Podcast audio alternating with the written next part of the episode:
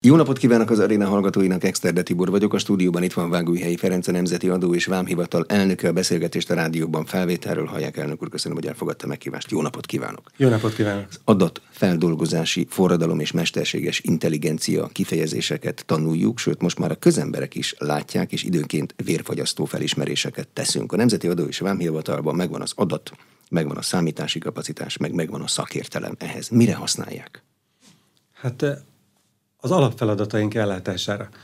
Én, egy, egy, én, tehát én informatikus vagyok, és nem azért, tehát szenvedélyesen szeretem a szakmámat, de nem azért kerültem a NAV élére, hogy egy millió adózón gyakorlatozzak, hanem azért, hogy a NAV alapfeladatait szolgálja az a tudás, ami reményeim szerint a fejembe és kollégáim fejébe megvan. Ugye mik ezek az alapfeladatok? Ezt az elején jó tisztázni. Tehát a, a NAV-nak a legfontosabb feladat, hogy a közös kiadásainkat, a társadalom közös költségei finanszírozásának a fedezetét azt megteremtse. Beavatkozzon a adózáson keresztül a versenybe, a gazdasági versenybe olyan értelemben, hogy ezt igazságosabbá tegye, igazságos feltételeket teremtsen ehhez. Aki ezeket a feltételeket meg akarja szegni, és úgy akar előnyes szert tenni, azt visszatereljük a, a országgyűlés és a közösségi szabályok, tehát az Európai Unió szabályainak megfelelő mederbe. Tehát ezáltal tegyük igazságosabbá a közterviselést, administratív terheket csökkentsük, ugye ez a tax just happens elvet, hogy csak úgy megtörténik az adó ezt az elvet Magyarországon is érvényesíteni tudjuk, illetve a munkavállalókat és a kiszolgáltatott gazdálkodókat, kiszolgáltatott adózókat, azokat megvédjük azoktól a hatásoktól, ami még nem jelent a piacba illetéktelen állami beavatkozást. Tehát alapvetően ezek azok a célok visszadom a szót, hogy, mert az a baj, hogy ezzel, erről most én egy három órát tudnék így hát igen. beszélni. Kezdjük azzal, ami a legkevésbé köz ismert kifejezés, ez a tax just happen, tehát megtörténjen az adó. Ez azt jelenti, hogy nekem nem kell, mint adózónak túl sokat molyolnom azzal, hogy előállítsam az adatot, felvigyem az adatot, jól állítsam elő az adatot, meg közben rettegek, hogyha valamit elrontok, akkor annak büntetés a vége, hanem megy minden magától. Pontosan.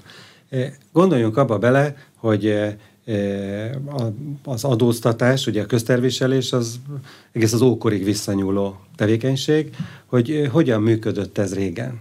Ugye régen tranzakció alapon volt többnyire az adóztatás, vagy nagyon egyszerű tulajdonságokon, mondjuk az ingatlan adó, az az ablakok számán múlt. És vagy akkor, a kémények számán. Vagy Füstöm. a kémények számán, így van. És el is lehetett kerülni az adót azáltal, ha mondjuk lefalasztuk az ablakot. Ugye sokszor vakablakot ezért is lehet látni.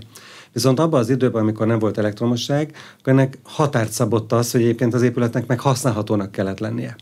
Aki kiment az, aki a adó kivetésért és a bevetésért, beszedésért volt felelős, és megszámolta az ablakokat. Ugye kevés vita volt, nem, nem kellett nyilvántartásokat vezetni. Vagy a közel ezer évig ugye a középkorban a tized és a kilenced, ami ugye egész pontos a 20% adóterhelést jelentett. Mérleg kellett hozzá. Ehhez gyakorlatilag az kellett, hogy vagy a zsákokat kellett megszámolni, először minden tizedik zsákot a egyháznak, utána minden kilencediket a földesúrnak odaadni, és nem kellett könyvelni, meg nyilvántartásokat vezetni.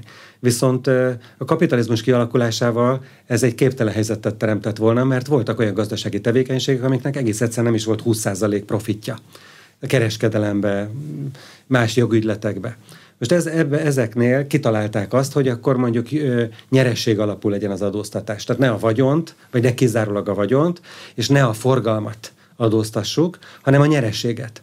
Ehhez viszont e, ki kellett alakítani az, a könyvelés tudományát, a számvitel tudományát, hogy a, a, ne egy bemondásra történjen az adóztatás, hanem ennek e, a gazdasági eseményeket analitikákba kellett vezetni, és ezekből kellett összerakni aztán a mérleget és azokat a számokat, amikből egyértelműen kiderült, hogy, hogy milyen adóteher terheli a vállalkozást. És ráadásul folyamatosan fejleszteni is kellett, ha jól értem, mert ahogy megjelent a nyereség alapú adózás, mindjárt megjelent a nulla nyereséget kimutató vállalkozás. Hát ezek a, a módszerek, ezek együtt fejlődtek, ez így van. És adott esetben volt olyan, hogy az államnak se volt ez, ez ellen kifogása, mert olyan egyéb gazdaságpolitikai előnyre tudott szerteni, főleg a, a nagy tengeri kereskedő népeknél, ugye a saját vállalkozások segítése miatt. Ezeket ma már kiskapurak hívjuk gyakran, de ezek sokszor szándékosak voltak, ha megnézzük a, a szinte államként működő nagy gazdasági társaságokat, ugye a holland és a brit keletindai társaságot. A, Gazdaságpolitika a, a búr, búrvállalkozásokat, ugye Dél-Afrikában, stb. Tehát, tehát megvoltak, megvolt ennek a történelmi hagyománya. Na most az adóhatóságnak nem lehetett beadni az analitikát. Tehát az, hogy nekem történt egy vállalatba 17.800 eh, tranzakcióm, eh, egy évben, ami értékesítés volt, vásárlás volt, eh, vesztességleírás, mondjuk valami összetört, tönkrement, stb. Bért fizettem, nem tudom én. Tehát ezt nem lehetett beküldeni papíron, vagy nem tudom én pergamentre, hát akkor már nyilván papíron. Még nem volt írógép se, belegondolunk.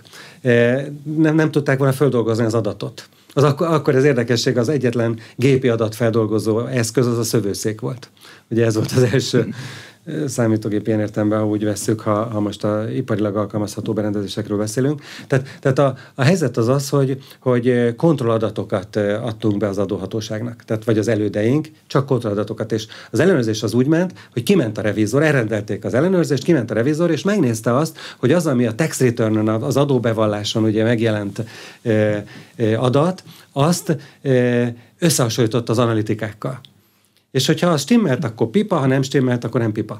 Az a kérdés, hogy most a 21. században, amikor már az elemi tranzakciós szinten is tudjuk gyűjteni az adatokat, ott van az online pénztárgép, az online számlarendszer, ugye az áfa bevallásnak ez a híres 65 melléklap, 65 emlapja, ugye amin a, a levonásba tett adótartalmú számlákról számolnak be a vállalkozók, a, a közúti fuvarozási ellenőrző rendszerek, vámrendszer, a vám az mindig tételes volt. Ugye az ilyen szempontból a kivétel, ott Szent Máté óta mindenki, az, az mindig áruhoz kötődő közter volt.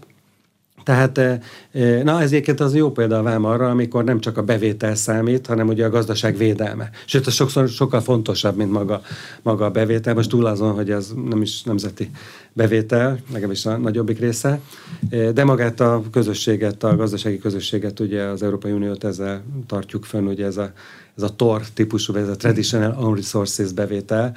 Tehát e, e, látszik az, hogy, hogy ma már tudunk tranzakció alapon adatot gyűjteni, és ez a gondolkodásmód, hogy bevallási periódus, és kontrolladatok, agregátumokat képezzünk. Ha szerencsétlen adózó az agregátumot rosszul képzi, akkor már jól megbírságoljuk, stb. Ez előbb-utóbb a múlté kell, hogy váljon. Jó, de a kulcskérdés, ha jól értem, hogy az, hogy az adat, ami a tranzakció pillanatában megképződik, az teljes körű és pontos-e? Mert ha nem, akkor megy minden a levesbe, mert akkor az alapja rossz az egésznek. Pontos és teljes körül az adat? Na most itt jön be a, a, az elemzési módszerek, az adattudományok és a mesterséges intelligencia, itt jön be. Pokolian nehéz valóságot e, rajzolni, úgyhogy az nem a valóság. E, olyan viselkedési adatokat gyűjtünk iszonyú mennyiségben. Ha elkezdünk tranzakció szinten adatot gyűjteni, akkor azt is látjuk, hogy mikor történt a tranzakció, egy adott viszonylatban, tehát két adózó között ez milyen gyakori, milyen adattartalmú, és ha ez deviánsá válik, akkor a mesterséges intelligencia, illetve a különböző mély tanulási módszerek ezt a devianciát ki fogják mutatni.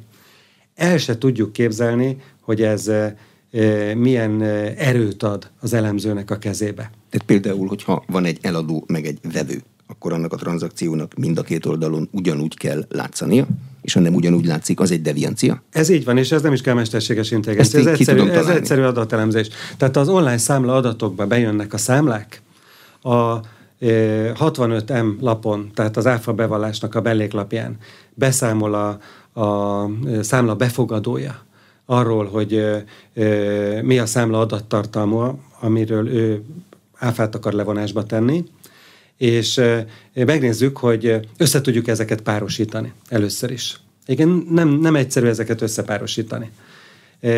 Utána megnézzük azt, hogy milyen bevallási periódusba jött be a, a... Mikor, nem is a bevallási periódus, mikor jött be ez a számla. Módosult-e a tartalma a kiállító részéről? Tehát nem mondom, hogy gyakori, de előfordul az, hogy a, a kiállító kiállította a számlát, bevallotta, be is fizette az áfatartalmát, majd e, javító számlát állított, vagy sztornó számlát állított róla ki. De a befogadói oldalon megmaradt a levonásba tétel.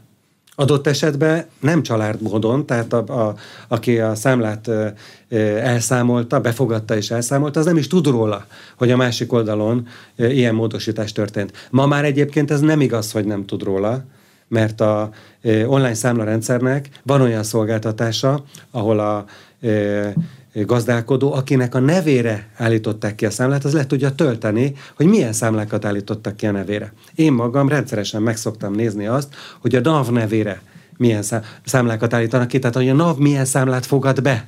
Hm? Jó, de ha van online számlázó rendszer, akkor abba elvileg egy létező tranzakció után kézzel belenyúlhat bárki. Hát nem az volna a lényege, hogy online legyen, és így a hiba lehetőségeket kizárja?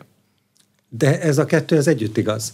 Tehát e, igenis, a gazdálkodónak azt a szabadságát, hogy kézzel belenyúljon, hát természetesen nem feltörve a rendszert és nem meghekelve, de hogy egy gazdasági eseményt újraértékeljen. Tehát volt egy szerződése. Ez ugye szóba is létrejöhetett köztük. Teljes, tehát elvégezte a szolgáltatást mondjuk. Volt is róla teljesítés igazolása. De később kiderül, hogy olyan szavatossági egyéb szempontok merülnek föl, hogy módosítják, a felek úgy döntenek, hogy a tartalmát a valósághoz kell igazítani. Mondjuk a köztük munkázni kellett Pótmunk, stb. így van. Uh-huh. Meg azt, azt mondják, hogy érdekmúlás következik be. Azt mondja a szállító, hogy, hogy hát ő ezt annyira elrontotta, hogy nem, nem követeli mondjuk a, a ellenértéket. Hm. És valójában az a hozzáadott érték létre se jött, ami a hozzáadott érték adó alapja, ugye az áfának az alapja. Tehát a felek ebbe, a polgár, köztük lévő polgári jogviszonyba ebbe állapodnak meg. Akkor természetesen figyelembe véve az áfa törvénynek a rendelkezéseit, ők a valósághoz igazíthatják azokat a számvételi dokumentumokat, sőt, ez az elvárás, tehát igazítsák is a valósághoz azokat a számvételi dokumentumokat, amiket korábban előállítottak.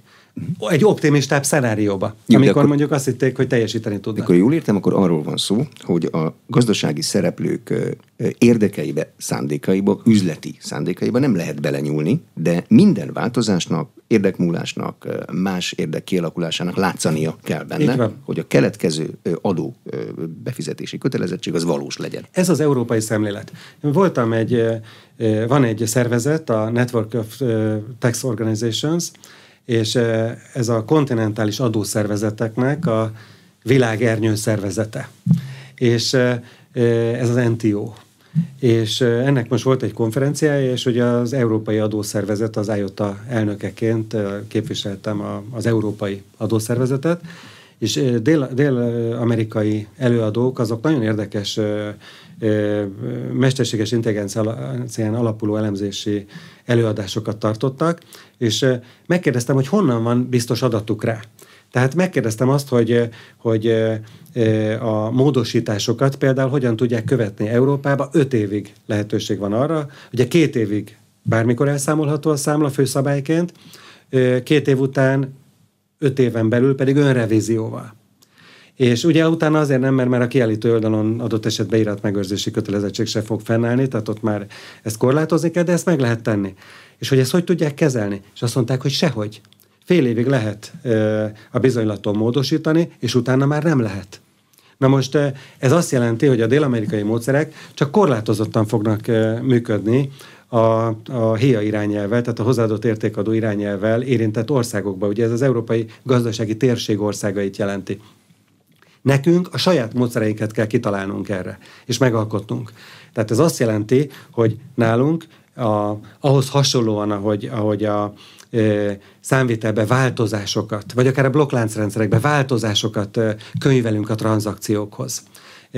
Úgy a jelen állapotot követnünk kell. Tehát az, az online számla adatszolgáltatásba és a 65-ös áfa adatszolgáltatásba a bizonylatoknak, tehát a, a számláknak a jelen állapotát kell könyvelnünk. Itt nincs bevallási időszak, nem, nem azt nézzük, hogy, hogy e, milyen adó teljesítményt kellett egy adott bevallási időszakban produkálnia az adózónak, hanem összességében a jogviszony keletkezése óta mi a jelen állapota ennek a, a, a, a jogviszonynak. Tehát, tehát magának a, a köztük lévő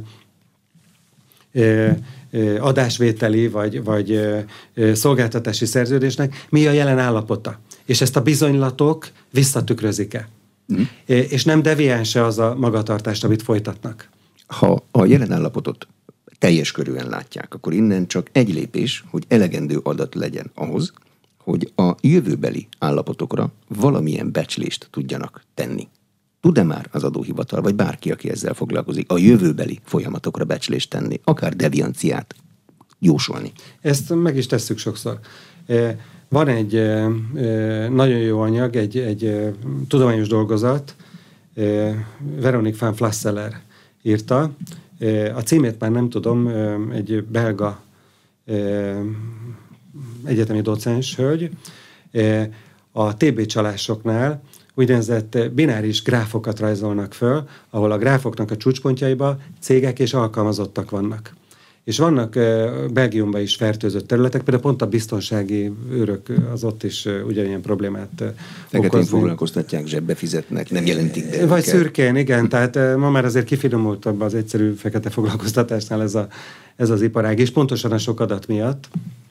Ugye itt is elemi tranzakciós adatokat gyűjtünk, ezek a 08 M lapok, ahol a foglalkoztatásról elemi szintű, tehát havi összesítésbe elemi szintű adatokat gyűjtünk be, és ott például a dolgozók hogy mozogtak a cégek között, meg tudták mondani egy gazdálkodóról, hogy ő mondjuk két-három-négy hónapon belül már TB csalásba lesz érintett, vagy tönkre megy. Tehát egész egyszerűen olyan helyzetbe sodorták a munkaerő közvetítők ezeket a gazdálkodókat, ezek főleg biztonsági cégek voltak, akik bankoknak, államigazgatásnak, nem tudom én, egyéb helyekre dolgoztak, hogy, hogy nem nagyon volt racionális döntés neki már a törvényeket betartani. És ez egy teljesen kontraproduktív helyzetet hozott elő egyébként becsületes adófizető cégeknél, hogy olyan predikciót tudtak tenni, ami nagy pontossággal az adóhatóságnál azelőtt észrevette azt, hogy kockázatos közegbe, kockázatos üzleti közegbe került egy cég, mielőtt konkrétan elkövette volna az adócsalást. Tehát lehet azt mondani, hogy azt tudják megnézni, hogyha betartja a szabályokat, és így folytatja tovább, akkor a matek nem fogja sehogy a végén kiadni, mert el fog fogyni. Igen, ez, ez el fog így fogyni. van. Ilyet, ilyet lehet tenni. Ugye ilyet az adóhatóság már régóta végzett makrogazdasági szinten. Most az elemi tranzakciós adatokkal és azzal a viselkedés elemzési módszertannal, amit alkalmazunk, azzal már egyedi cégek esetében is ilyet tudunk tenni. Ugye nálunk a, a öt ellenőrzésből, ami elindul, abból kb. négy az támogató eljárás. Tehát már ezt alkalmazzuk is. Kimegyünk támogató eljárásba, hogy valami nem stimmel, valahogy rossz irányba megy szerintünk valami, valami nem logikus a cégtől érkező adatokba, és az esetek nagy részében egyetértésre jutunk a gazdálkodóval abba, hogy mit kéne tenni. Ha ez az egyetértés nem születik meg, akkor következik be a klasszikus revízió, aminek már szankció lehet a vége. De a támogató eljárásban nincs szankció. Tehát ott, ha nem jut velünk egyetértésre az adózó, akkor ö, egy jegyzőkönyv a vége arról, hogy nem értünk egyet. Jó, de mit szoktak ilyenkor csinálni az adózók? Azt mondja, elfehéredik, és azt mondják, hogy Jézusom, erre nem gondoltam másképp fogom csinálni? Vagy azt mondja, hogy nekem van igazam, én vagyok ebben a szakmában, nem mondják már meg nekem, hogy hogy kell ezt csinálni. Melyik? A 21. század gazdasága az bonyolult. Tehát tényleg bonyolult, nem könnyű.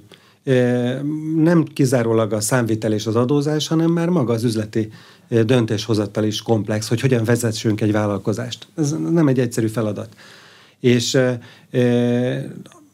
pusztán a jogszabályok ismeretében nem feltétlenül determinisztikusak a döntések. Tehát nagyon sokszor az adóhatóság az az utókor bölcsességével fogja azt mondani, hogy ez jó volt, vagy nem volt jó. És ez e, emiatt a támogató eljárás valóban indokolt. Tehát az, hogy a revizor kimegy, e, belecsöppen egy olyan gazdálkodási közegbe, ami neki új. Hát a cégvezetése az pontosan tudja, hogy mit miért csinált. Ez számára új Bele kell, hogy élje magát a gazdálkodónak a helyzetébe. És ez alapján megítélni azt, hogy egy adott döntés jó volt-e vagy nem. De ezt már utólag tudja megtenni. És e, e, gondoljunk bele abba, hogy, hogy e, hány olyan tulajdonképpen bizonyos értelemben visszásnak tűnő helyzet van mondjuk egy, egy, egy sima közlekedési baleset kapcsán. Amikor azt, hogy a 0,4 másodperc alatt miért hozott döntést a vezető, azt utána... Három évig tárgyalja. Három évig, és a közlekedésbiztonsági szakemberek, a, a nyomozó, az ügyész, a bíró, nem tudom ki, tehát, tehát e, e, itt nyilván nem tized másodpercek alatt meghozott döntésről van szó, de azért e, adott esetben nem is érzékelve az ügyletnek a súlyát, mert az ügyletnek később lesz csak súlya. Mondjuk az ügyfél az masszív pénzmosó és e, valójában a tranzakció azért jött létre, hogy a gazdaságba e, bevezessen mondjuk e, kábítószerkereskedelemből vagy prostitúcióból származó pénzeket, hát ő nyilván pont olyan cégeket fog keresni, akik aztán a legtávolabb vannak az ilyen típusú bűnözői tevékenységtől. De ezt nem feltétlenül ismeri föl az adott gazdálkodó. A revizor ezt elemezni fogja. Még akkor, amikor az ügyfélszolgálatos fölvette a megrendelést, este, nem tudom én, fél hatkor, 20 perccel a munkaidő vége előtt, Hát ő nem feltétlenül pont ugyanezeket a, a, az elemzési képességeket e, tudta harcba állítani. Hát nincs is hozzá eszköze, meg se ideje. Jó, de hát mit csinál? Ezek azok a helyzetek, amikor az egyik fél legalább jó hiszemű. Tudnak-e becslést tenni olyan helyzetekre, amikor mind a két fél rossz hiszemű, és eleve azért hoznak létre valamilyen kapcsolatot, hogy abból pénzt keressenek, de valós gazdasági tevékenységet nem csinálnak, adót eleve nem akarnak fizetni.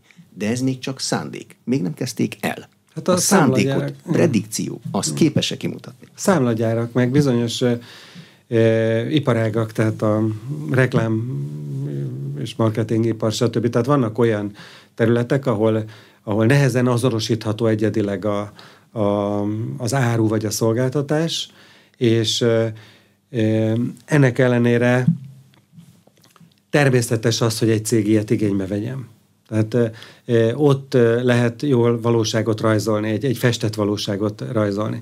Viszont ahhoz, hogy a, a csalásra utaló mintázatokat eltüntessék, ehhez minél jobban tüntetik el a mintázatot, annál drágább lesz az ügyletnek a végrehajtása. Lehet, hogy a végén olyan drága az ügylet, mint hogy a valós ügylet lenne? Hát erre akarok utalni. Tehát, tehát ahhoz, hogy idézőjelben tökéletesen csaljunk, az azt jelenti, hogy a csalás első számú feltételét, azt, hogy haszonra te tudjak belőle szert tenni, azt vesztem el.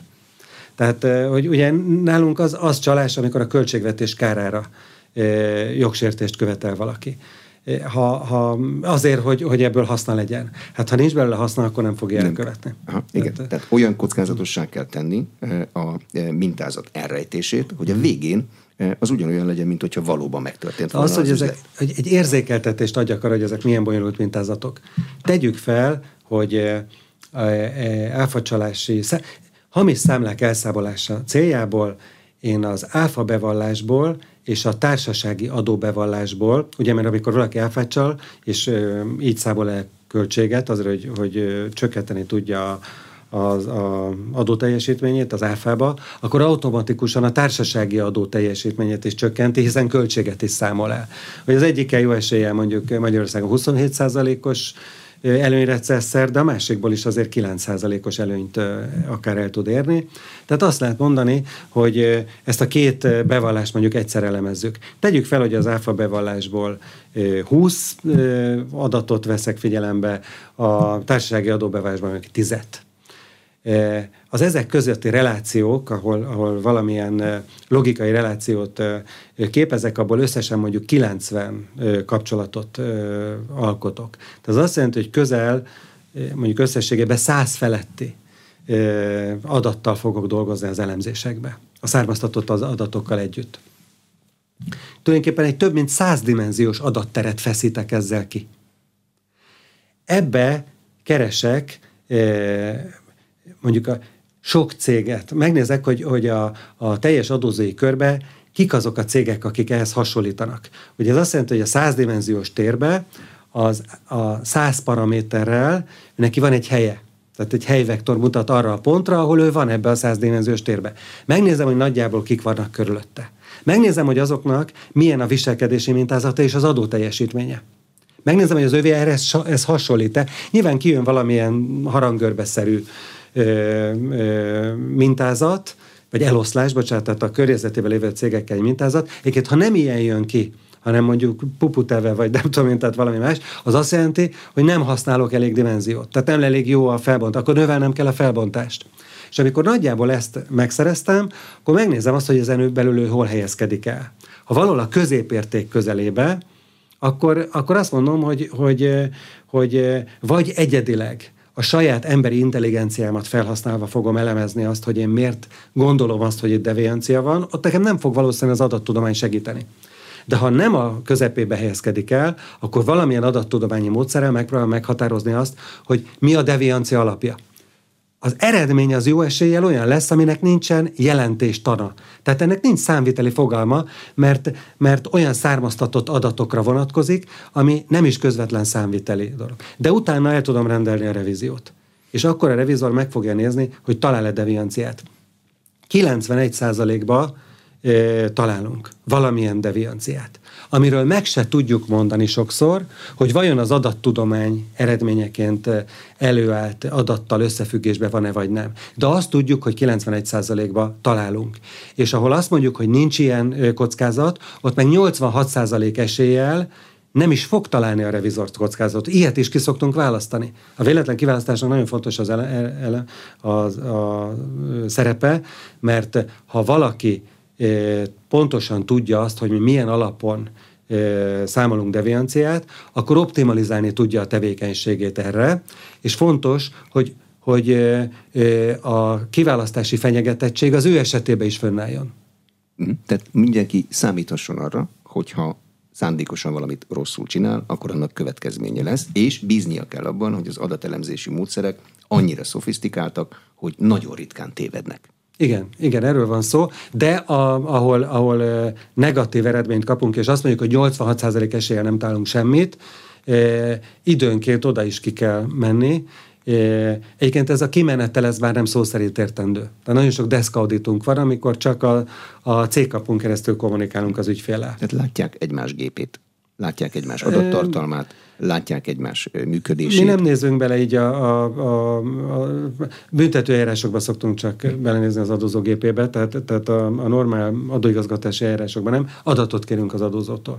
De pontosan azért, mert rengeteg elemi tranzakciós adatunk van a, a foglalkoztatási adatokba, az online számla adatokba, az online pénztárgép adatokba, fuvarozási adatokba, stb. Tehát, tehát emiatt nagyon nehéz nekünk konzisztensen hazudni. Tehát ha mi adat adatot kérünk, az általában jó, mert ha az adat hamis lesz, akkor óriási eséllyel fogunk devianciát találni benne.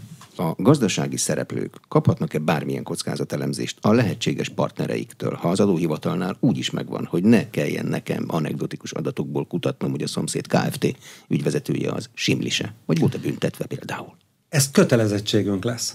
Nagyon-nagyon veszélyes általánosságba kiterjeszteni ezt. Tehát azért, mert valakinek egyszer problémája volt, eh, azért egy bélyeget rátenni, az, az egy önbeteljesítő jóslat, hogy akkor tönkre fog menni. Tehát ha valakinek magas nálunk a kockázati besorolása, és ezt eh, valamilyen módon közé tennénk, azzal ugyan segítenénk nyilván a, a partnereit abba, hogy ők maguk ne kerüljenek kockázatos közegbe, de ezzel nyilvánvalóan tönkre is tennénk őt. Tehát ezt Értelmes, így... becsületes ember nem üzletelne vele. Nem, nem üzletelne vele, már pedig ez nem azt jelenti, hogy, hogy őt egy életre el kell ásni. Tehát nem szívesen élnék olyan társadalomba, ahol ezt, ezt megtesszük a polgártársainkkal, meg a, az általuk működtetett vállalkozásokkal. Tehát észszel kell ezt megtenni. Nem véletlenül, hogy, de az se véletlen, hogy Magyarországon még a bűncselekmények esetén is elévülési idő van, meg erkölcsi bizonyítványt kaphat a, Mentesítési idő, stb. Így van, stb. És tehát, tiszta lap. Igen, tehát, tehát azért ráadásul, mert nem is döntést hoztunk róla, hanem egész egyszerűen kockázatosak a, a ö, körülményei, vagy nem tudom, a gazdálkodási adatai alapján azt látjuk, hogy nagy a kockázata annak, hogy adóelkerülő tevékenységet végez, ezért nem süthetünk rá egy bélyeget. Ezt mi tudjuk, mi ö, figyeljük, de nem, ezt nem hozhatjuk róla nyilvánosságra. De mert... akkor az én üzleti életemben ez egy természetes üzleti kockázatként továbbra is benne kell, ez hogy maradjon. Van. Viszont van olyan, olyan olyan körülmények vannak a vállalkozásokról, amit viszont kötelességünk visszamutatni neki is, és a partnereinek is. Ilyen például az online számla adatszolgáltatás, illetve az EAFA. Az EAFA projekt egy része már működik is. Ugye az online számla rendszerbe beérkezett számlákról a címzet, tehát akinek kiállították a számlát, az le tudja tölteni, hogy milyen számlákat állítottak ki a nevére. Ha azt látja, hogy, hogy nem érkeznek be a partnerétől az adatszolgáltatási, tehát maguk az adatok az online számlarendszerben nem érkeznek be, de ő megkapja ezeket a számlákat, akkor tudja azt, hogy valami nem stimmel a szállítójával. Slendrian, legjobb esetben. Rosszabb hát ugye, esetben... Ez, ez, ez több annál, mert a, a számlázó programok automatikusan adják be az adatokat, tehát ő vagy nem számlázó programmal állította ki a, a számlát, magyarul valójában nem is számla az, amit kapott, e, hogy ez az egyik verzió. A másik az, hogy valamilyen módon akadályozza a kommunikációt a NAV rendszerével. És hogyha a számla nem érkezett be az online számrendszerbe, akkor feltetőleg nem fogja az adó bevallásába, tehát az áfa bevallásába se szerepeltetni e, ennek az adó tartalmát, Viszont a vállalkozást ezt igényli, vagy ezt igyekszik majd e, e, levonásba tenni. Magyarul a kincstár felé egy olyan idézőjelbe bizonylatot állít elő a vevő, aminek az ellenértékét nem fizették meg a kincstárnak. Magyarul a közösből ő csak kivesz, úgy, hogy oda senki nem tett be semmit. Látja-e a rendszer a készpénzes tranzakciókat? Látja a rendszer az idegen pénzben aktatáskában, cipős dobozban végrehajtott tranzakciókat, amit eleve azért csinálnak így, az esetek egy részében, hogy ne legyen nyoma. A, az összes gazdasági tranzakció óriási részének digitális nyoma van ma már. Tehát a digitális térbe nyoma keletkezik. Gondoljunk bele, hogy tipikus készpénzes rendszer volt ugye a taxiszolgáltatás.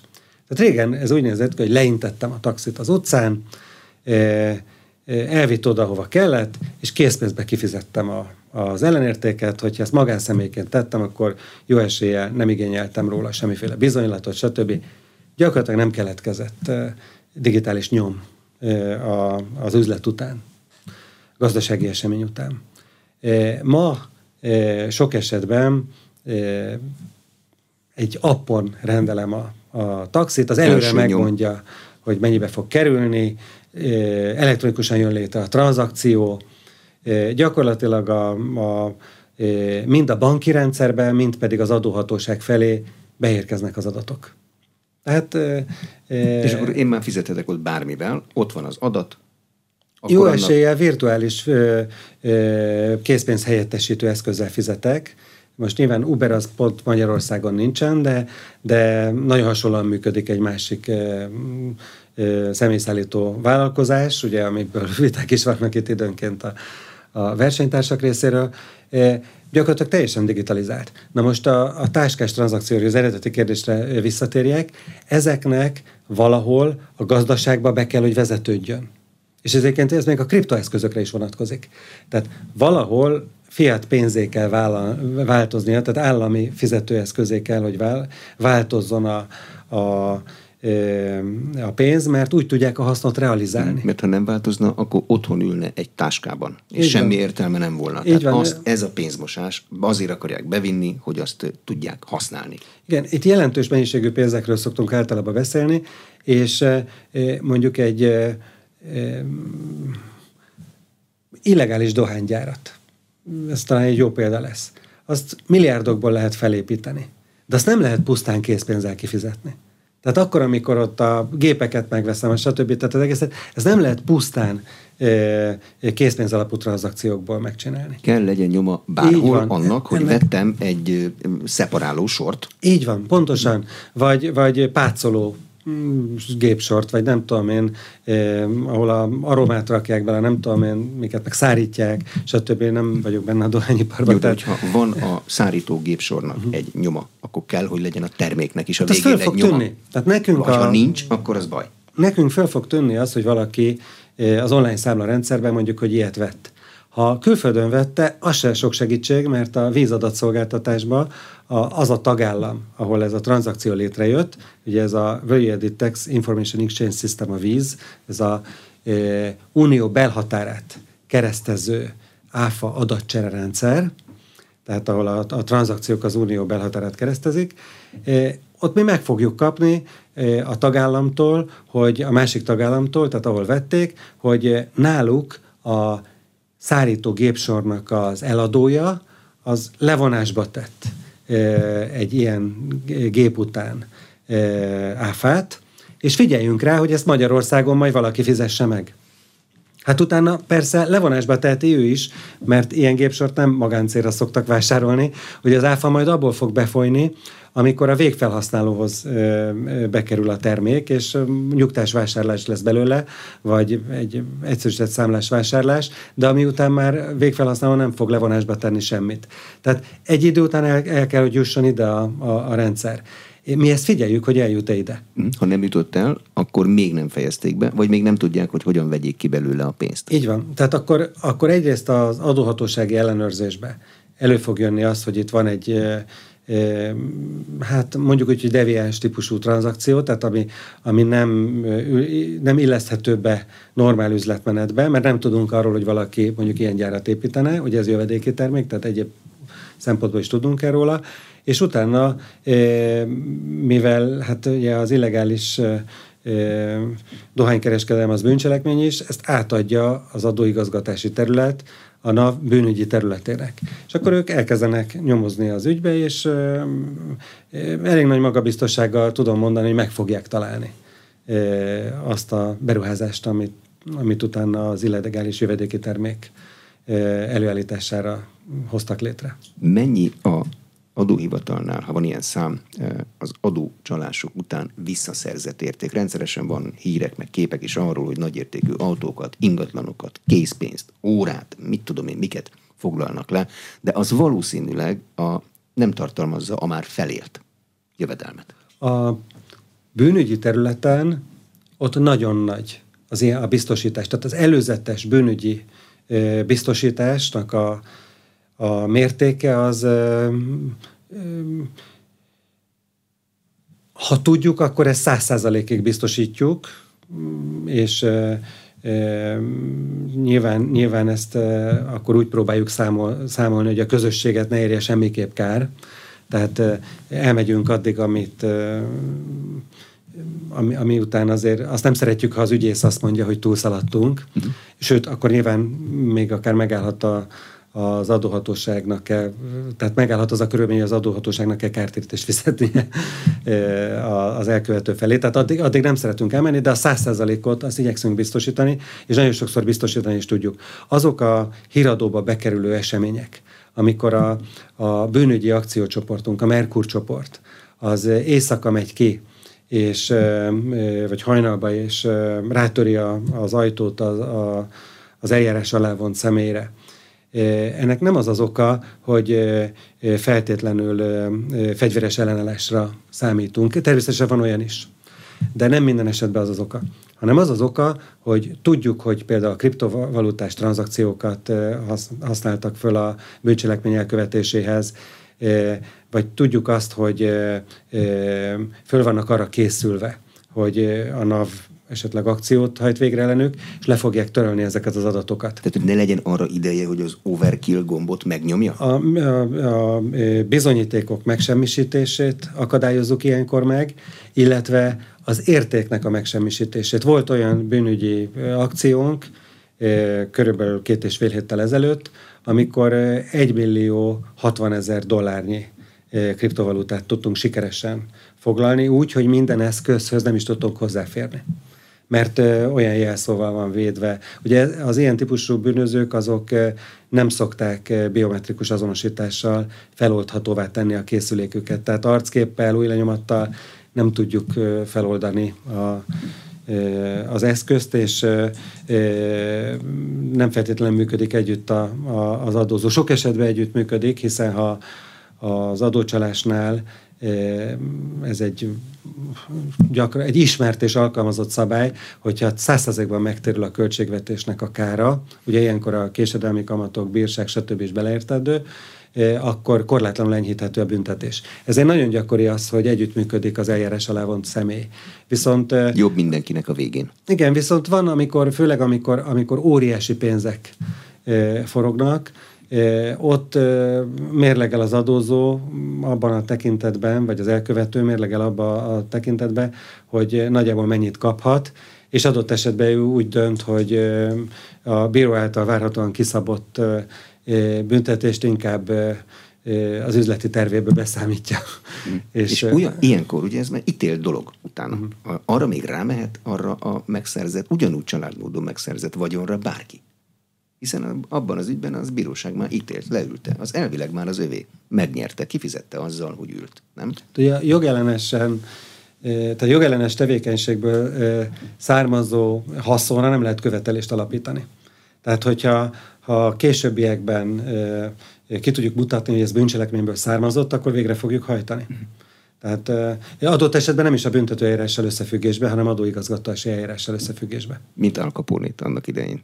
Így van. Tehát ott, ott, és az ellen nem is büntető, tehát nem ugyanaz a tanács fogja tárgyalni, ott közigazgatási bíróság elé fog kerülni az ügy, hogyha NAV eljárását megtámadja az illető. Ha be tudjuk mutatni azt, hogy hogy adócsalásból, illetve az adózás rendjére vonatkozó jogszabályok megszegéséből származott a, a, az az érték, amit mi végrehajtottunk, akkor a bíró nekünk fog igazat adni. Eddig a nagyokról beszéltünk. Beszéljünk egy kicsit rólunk. Bérből és fizetésből élő egyszerű adózókról. Nekünk nem sok dolgunk van az adóhivatallal. EBEV a rendszer működik, megcsinálja az adóhivatal helyettünk. Ezt lehet még valahova fejleszteni? Igen, hát először is azt tényleg azzal egyet tudok érteni, hogy amikor az adóhivatalnak adata van a magánszemély gazdasági tevékenységéről, és összeállítjuk a személyjövedelemadó bevallást, azt aki ismer, azt tudja, hogy nem szoktuk, tehát nem szoktam se magamat, se a általán vezetett hivatalt dicsérni, mert inkább a problémákról mm, kell beszélnünk, és azt kell, abba kell kérnünk mind a politikai döntéshozók, mind a társadalom segítségét kérni, hogy azt, azt, azokat a hibákat kiküszöböljük és jobban csináljuk, de a, az elektronikus személyi jövedelemadó rendszernek a back office rendszere, tehát az a rendszer, amivel mi az adatokat feldolgozzuk és az, az adóbevallás összeállításához használjuk, az tényleg egy dényeltes rendszer. Tehát azt nagyon profi módon csináljuk, és ez most elnézést kérek a szerénytelenségért, de azt szerintem tényleg büszkék lehetünk rá. De jók az adatok is, amit a munkáltatóktól kapnak? Azok az adatok általában szintén rengeteg konzisztencia ellenőrzése mennek át, azok általában jók. Ha nem jók, akkor, akkor nyilván először támogató eljárás keretében, aztán pedig akár revízióba is meg tudjuk nézni. De ebbe nem szokott gond lenni, mert maga az adózó is érdekelt abban, hogy ezek jók legyenek, hiszen a társadalombiztosítási várományaiba kár éri őt, ha azok nem jók. Mm. Tehát, hogy valahol dolgozott, és nem látja az SZIA bevallásába azt a mellékállást például, akkor ő meg fogja kérdezni első körbe a munkáltatót, hogy hát miért nincs benne, második körben meg eljön hozzánk, hogy hát itt őt levonták a járulékot, levonták az SZIA-t, most akkor itt mi van? Jó, de az adózók nagy része ennyire tudatos, mert én magamról azt tudom, hogy én ugye hosszú ideje, ha dolgozom egy munkahelyen, akkor egy idő után nagyon megbízok azokba, akik az én pénzügyeimmel foglalkoznak. Én nem nagyon szoktam rendszeresen megnézni. Felnőtt hogy... embereknek kell néznünk a munkavállalókat, és sokan nem ennyire tudatosak, őket kár is fog érni. Tehát gondoljunk bele abba, hogy 30 év múlva az idei éves jövedelmemet az nem került be a társadalombiztosítási várolmány adatbázisba. Ugye mindenki szokta mondani, hogy nincs nyugdíj egyéni számla, de van. 2011 óta az összes jogszerzés, tehát a szolgálati idő és a járulékot jövedelem, az lekérdezhető a kincstártól elektronikusan aláírt formába. Tehát nagyon kevesen kérdezik le. De a NAV üzemeltet egy NAV mobil alkalmazást, ahol a munkavállalói adatokat, azokat le lehet kérdezni. Én minden hónapban meg is szoktam nézni, hogy ugye a Magyar Államkincstár... utána, ön után fizet rendesen TB járulékot? Hogy a államkincstár számfejt ugye nekünk, hogy a Magyar Államkincstárnak a számfejtése pontos-e? És pontos szokott lenni? Pontos, igen, pontos. Tehát ö, olyan van, hogy, hogy egy hónappal később került föl az adat. Ennek nem tudom, mi az oka, biztos a, a kincstárban tudják. Például az augusztusi adataim, azok ugye szeptember 20-áig kell, hogy a kincstár ezt elkészítse, és olyan 14-15-e körül néztem meg, már ben volt az adatbázisban. És a mobilban láttam, tehát a napmobilban az összegeket is látom, a jogviszonykódot látom, mindent látok. Mm. És ez ma mindenkinek rendelkezésére áll. Nem nézik meg az emberek. Viszont van egy EMAP nevű, egy esemény alapú adatszolgáltatási projektje a pénzügyminisztériumnak. Ez nem a NAV-nak, hanem a pénzügyminisztériumnak a, a projektje, és a adóügyi államtitkárság, tehát Izer Norbert államtitkár úrnak a szakmai felügyelete alatt folyik a projekt, és ennek az lenne a, a célja, hogy egy forradalmi adóigazgatási újítást vezessen be, ami a világon egyedülálló és első, nagyon sok ilyenünk volt, már ahol követett minket a világ. Ugye az online pénztárgéprendszer a legjobb példa, gyakorlatilag a mi architektúránkat vette át szinte mindenki, ugye ami nem volt feltörhető. Nem egyszerű, tehát elismerem, hogy bonyolult rendszer, de, de megbízható. Na itt is az lesz, hogy ha valamilyen esemény történik a munkavállalásban, létrejön a munkaviszony. E, valaki e, betegszabadságra megy, vagy csak fizetés nélküli szabadságra megy, vagy e, megszűnik a munkaviszony, vagy fizetést kap vagy jutalmat kap. Tehát bármilyen esemény, releváns esemény történik a munkaviszonyába, akkor ez egy decentralizált főkönyvé, egy blockchainhez hasonló rendszerbe fog fölmenni a munkavállaló rendszerétől, tehát a, magából a bérszámfejtési rendszerből, és a munkavállaló egy adattárcán keresztül ezt látja. A e, magyar kormánynak van egy digitális állampolgárság nevű programja, ami e, most még alapvetően előkészítési fázisban van, de már nagyon előre haladott a koncepciója. Ez illeszkedik az Európai Uniónak az Európai adatszuverenitási programjába, ez a, nem tudom magyarra, hogy szokták, ez a European Self-Sovereign Identity, tehát ez a önadatszuvernitá, programja, ennek lesz egy adattárcája. A magyar adattárca is ezt a protokollt fogja követni. Ez annyit jelent, hogy ezt az adattárcát felhasználva ehhez a decentralizált főkönyvi rendszerhez csatlakozhat majd a munkavállaló, és megnézheti azt, hogy bekerült-e az adott fizetése például ebbe a rendszerbe.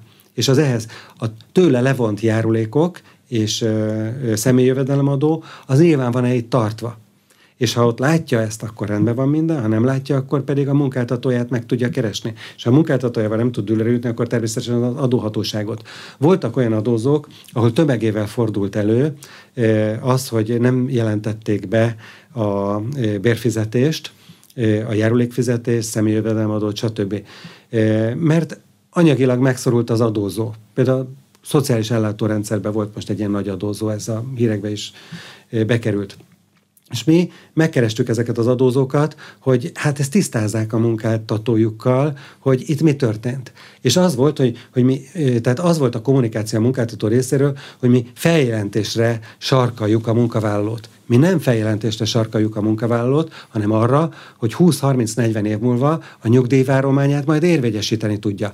Ő 20-30-40 év múlva semmilyen módon nem tud arra bizonyítékot szolgáltatni, vagy, vagy nagyon-nagyon nehezen tud bizonyítékot szolgáltatni arra, hogy ő, ő őtőle levonták ezt a járulékot. Az állam azt mondja a magánszemélynek, a dolgozónak, hogy nem nekem kell megfizetned a járulékokat, és az adódat, hanem majd ezt intézi a, munkáltató, a munkáltatód.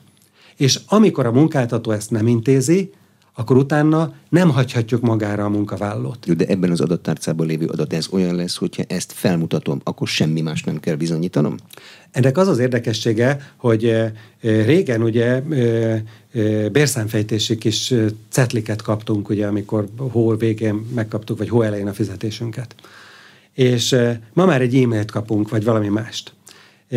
Általában valami digitális adatot, ami általában nincs aláírva. 30 év múlva, amikor én a kincstártól megígérlem a nyugdíjamat, már mondjuk aki 30 év múlva igényli meg, ezt az e-mailt megmutatja, akkor senki nem tudja megmondani, hogy ő ezt tegnap este maga írta, vagy tényleg 30 évvel ezelőtt kapta. Nem hagyhatjuk magára az embereket ebbe a rendszerbe. És ezért fontos a blockchain, mert ugyan az elektronikus aláírás az teljes bizonyíterővel rendelkezik, amikor ezt kiállították. De 30 év múlva már lehet, hogy olyan fejlett lesz a technika, hogy azt az aláírást is hamisítani lehet. Mert már a kulcsmérete túl rövid, vagy a kvantum számítógépekkel törni lehet a rendszer, stb.